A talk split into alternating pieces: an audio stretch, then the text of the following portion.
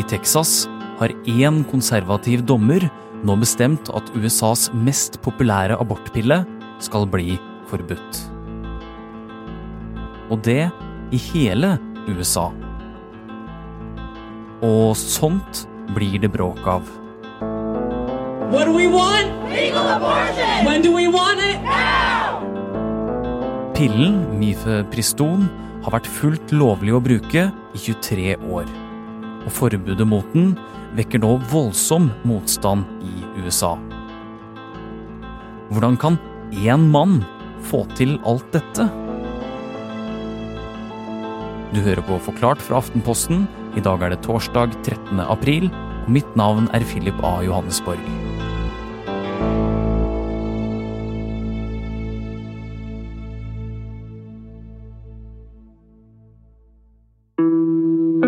Thelma Klevan, du er journalist her i Aftenposten og har fulgt abortkampen i USA i det siste.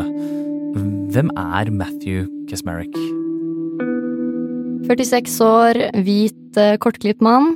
Tidligere har han jobbet som eh, advokat og aktor.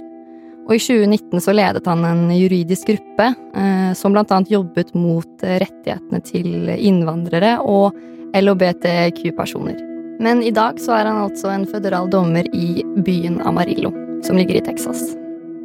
Og akkurat det er en viktig og litt teknisk ting man må få med seg om Kasmeric. Hva betyr det at han er en føderal dommer, Thelma? Først og fremst, for å være en føderal dommer, da, så må man bli nominert av presidenten. Så må man bli godkjent av senatet. Og når man har blitt eh, nominert og blitt føderal dommer, så gjelder eh, rollen livet ut. Og siden Matthew Kasmeric er en føderal dommer, så jobber han med lover og saker som gjelder hele USA. På en måte så kan en si at han er distriktets mann i møte med lover som bestemmer over hele landet. Noe som også betyr at denne Texas-dommeren har ganske så mye makt. Og nå har eh, Kashmerik eh, bestemt noe som kan få konsekvenser for hele USA. Hvis vi skal ta det fra starten, så handler det om at staten Texas ble saksøkt av en gruppe abortmotstandere om eh, mifepriston, altså den vanligste abortpillen. Abortmotstanderne vil at pillen skal bli ulovlig, og mener USAs legemiddelverk godkjente pillen på feil grunnlag for flere tiår siden. Gruppen ble oppretta i Texas etter at Høyesterett omgjorde USAs abortpraksis i fjor. Høyst sannsynlig var målet da å få Kashmirik som dommer, siden man vet jo at han er kjent for å være konservativ. Og forrige fredag så bestemte altså Kashmirik at saksøkerne skulle få rett, og dermed la ned et forbud mot pillen i hele landet. Hva baserer han den avgjørelsen på? Kashmirik mener pillen ikke har vært forsvarlig gransket av USAs mat- og helsetilsyn, eh, kalt FDA. Det til tross for at abortpillen ble utredet i fire år før den ble tillatt som eh, medisin i år 2000, altså for 23 år siden. Men likevel mener Casmeric at FDA ignorerte noen av utfordringene med pillen. Altså at grunnlaget mifepriston ble godkjent på, ikke var godt nok. Fra før så vet vi jo at slike piller kan gi bivirkninger som kvalme, oppkast og kramper. Men dette er bivirkninger som er vanlige for dem som tar medisinsk abort, også her i Norge. Og nå går den konservative dommeren inn for et forbud mot mifepriston i hele USA. Altså abortpillen som har blitt brukt i over halvparten av de medisinske aborttilfellene i landet og av mange så ble forsøket om å forby pillen først regnet som et juridisk langskudd, altså veldig usannsynlig. Så, da dette søksmålet fra denne anti-abortgruppen likevel førte frem, og Kesmerick kom med sin kjennelse, så gikk det et gisp gjennom USA. Man har bl.a. blant annet sett at eh, interessegrupper i USA ofte velger dommere som er eh, enige i deres synspunkter. Og antall konservative søksmål i Amarillo har derfor skapt anklager om dommershopping. Mange mener at for eksempel høyreekstreme grupper oppsøker Kashmerik for å lettere vinne frem i retten. I tillegg har demonstrasjoner mot denne avgjørelsen nå spredd seg til hele landet. Blant annet under en høring mellom Kashmerik og en antiabortgruppe sto f.eks. kvinner fra den feministiske gruppen Women's March utenfor rettssalen i Amarillo og demonstrerte med fargerike plakater med budskap om at abort er viktig for eh, kvinnehelsen. Og dette pilleforbudet har satt fyr på en allerede glohet kamp om abort i USA. Ikke bare har Matthew Kesmerick fått abortforkjempere mot seg, men også Det hvite hus. My thoughts are it's completely out of bounds what the judge did. Thank you.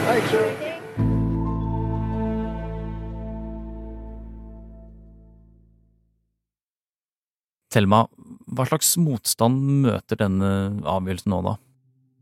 Flere av eh, USAs føderale myndigheter, eh, som f.eks. eh, president Joe Biden, er ikke enige i kjennelsen.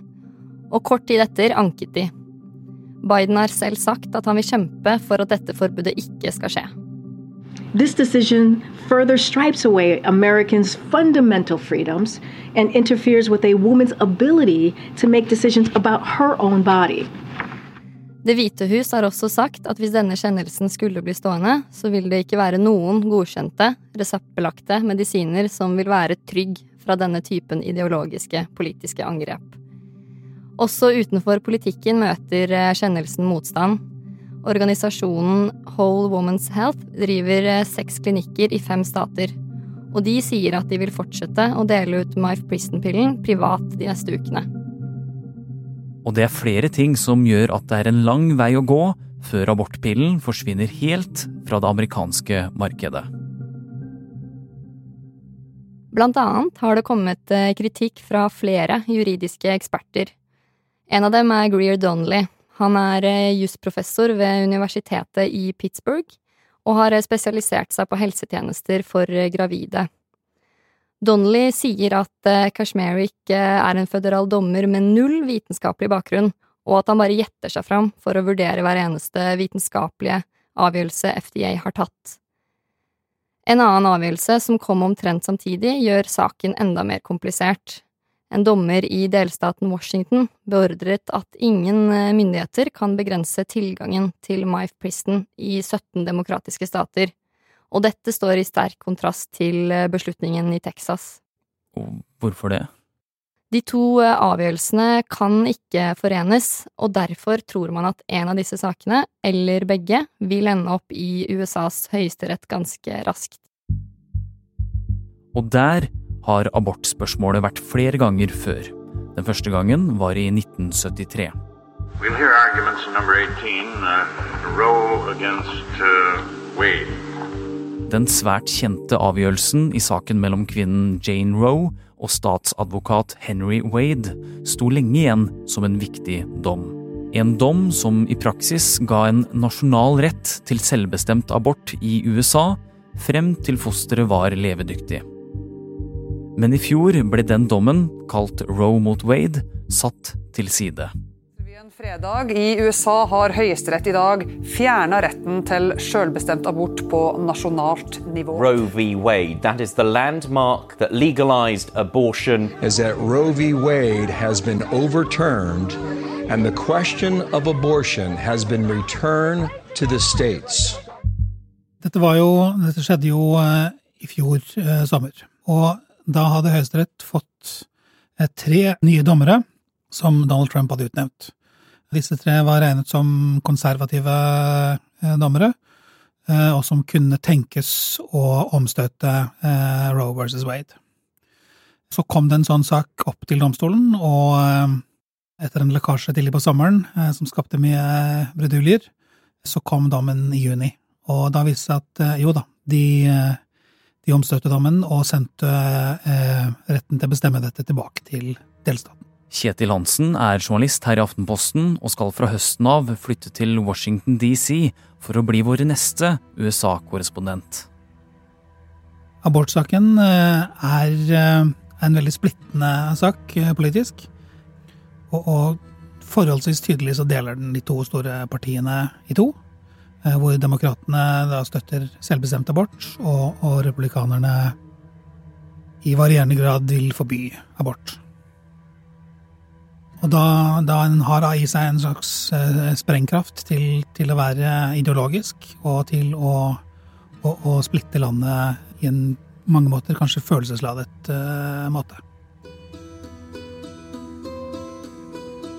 Og hvis du har fulgt med på abortkampen i USA i det siste, så har du kanskje fått med deg at noe har skjedd etter at Roe mot Wade-dommen forsvant. Da ble det nemlig opp til hver enkelt delstat å bestemme reglene for selvbestemt abort. Nei, har da, eh, da har jo da beslutningen om dette gått tilbake til delstatene. Der er det masse rettssaker og politiske krangler gående i de forskjellige statene. Det er nå 12-13 stater hvor abort mer eller mindre er blitt forbudt. Og så er det kanskje ti til hvor det er muligheter for at det blir det.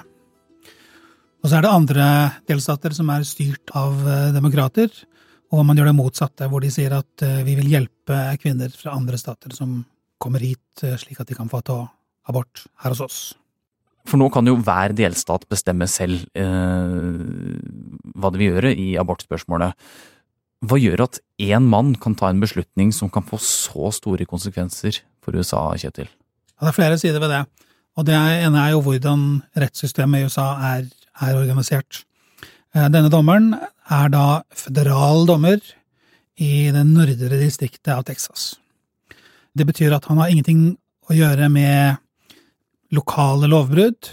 For å si det enkelt, hvis du vil ønsker å saksøke ordføreren din, eller guvernøren din, så går du ikke til denne dommeren. Hvis du vil saksøke Joe Biden, da går du til denne dommeren. Og det er på en måte det som har skjedd her denne dommeren kan da få eh, en av de mest populære abortpillene i USA til å bli forbudt? I teorien så kan han det. Eh, når man har en, en sånn juridisk sak, så starter den nederst i rettssystemet.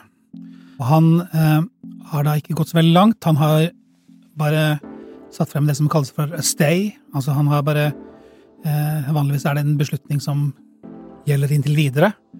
Og han har da sagt at han setter da en slik stay på Eh, godkjennelsen av eh, dette legemiddelet.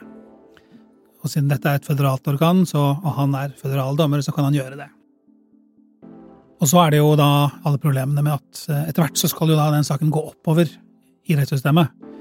Og da kan Biden har jo allerede anket, og da er det en ankedomstol ett skritt opp som tar stilling til saken i neste runde, og så går eventuelt en sak helt opp til Høyesterett, som bestemmer. Og senere så er jo da sånn at alle disse føderale dommerne, som det er eh, noen hundre av eh, i USA, de må jo da følge det som Høyesterett har sagt. Men Kjetil, hvordan vil alt dette påvirke kampen om abortrettigheter i USA fremover? Det er jo eh, litt interessant, fordi det er som sagt at delstatene som nå skal bestemme i abortsaken. Men dette middelet brukes jo til omtrent halvparten av abortene i USA, og det kan jo sendes i posten.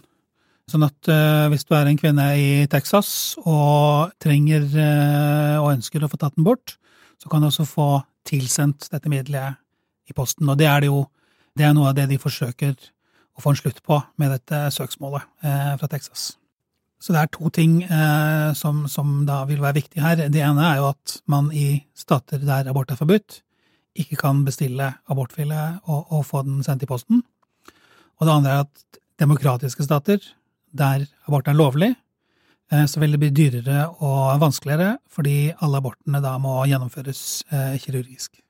Denne loven som eh, nå vil få gjennom, den kjennelsen, kan det føre til større konsekvenser for legemiddelindustrien i USA?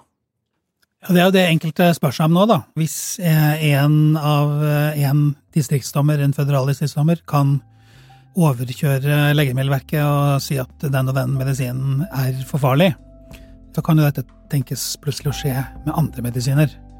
Eh, nå har jo dette middelet vært på markedet i over 20 år, og, det regnes som eh, mer eh, ufarlig enn f.eks. penicillin og Viagra. Men foreløpig er det altså ingen som har gått til sak for å få forbudt Viagra. Altså.